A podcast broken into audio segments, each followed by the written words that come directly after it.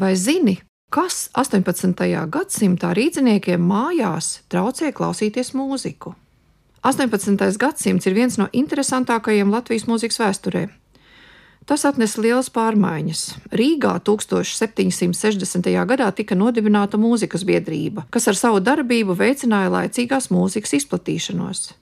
Līdz ar Rīgas pilsētas teātra atvēršanu 1782. gadā noslēdzās gandrīz 40 gadus ilgais teātras stabilizēšanās process. Gadsimta beigās strauji pieauga koncertējošo mūziķu skaits Latvijas pilsētās, starp kuriem bija daudzi slaveni viesmākslinieki. Un vēl 18. gadsimts deva jaunu mūzikas instrumentu, ko šodien saucam par klavierēm. Daudzi komponisti 18. gadsimta beigās atcerēja jaunajam instrumentam, citu pieturējās pie klavieru priekšgājēja čembalo. Tātad ir 1782. gads.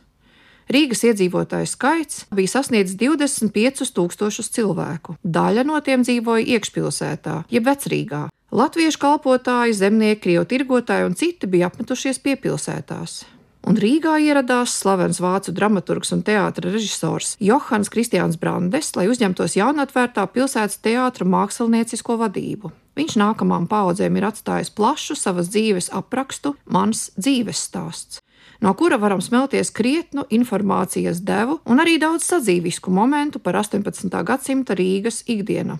Tomēr vispirms par Brandes raksturoto Rīgas mūzikas sabiedrību. Citāts. Feige, Pičers, Adams, Fiorillo un Baumbachs - visi pirmšķirīgi mākslinieki.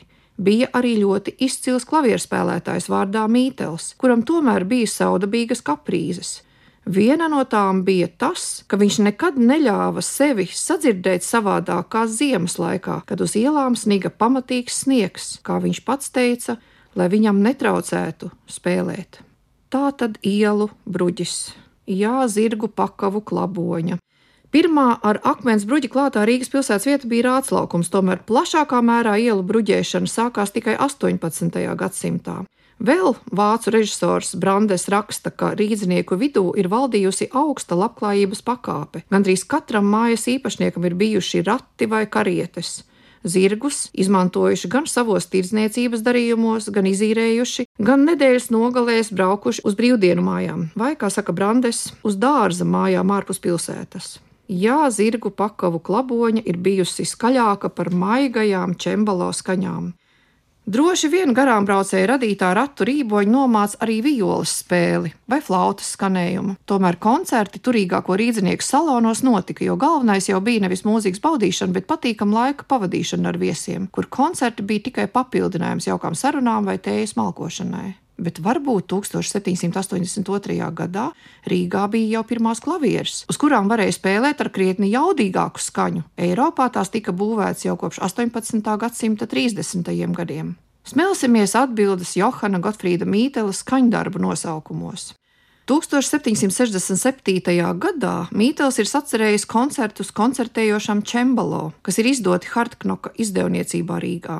Šīs mūzikas novatorisms radīja problēmas atskaņotāju māksliniekiem, jo solo instrumentam čembalo bija pārāk maz iespēja, lai atbilstu mīteļu mūzikas dramaturģijai. Savukārt jaunizgudrotās klavieres nekādi nevarēja veikt to ciparotā basa funkciju, kas koncertējošam čembalo mīteļu koncertos bija paredzēta. 1771. gadā Mītels mēģināja šo problēmu atrisināt, uzrakstot skaņdarbu ar savādāku nosaukumu duets divām klavierēm, diviem flīģeļiem vai diviem fortepiano, kas atskaņojams jau uz jebkura tā laika instrumenta. Zināms fakts, ka Latvijā iepazīties ar jaunā instrumenta klavieru iespējām bija pateicoties Johana Sebastiana Baha dēlam Karlam Filipam Emanuēlam Baham, un stāsts ir šāds.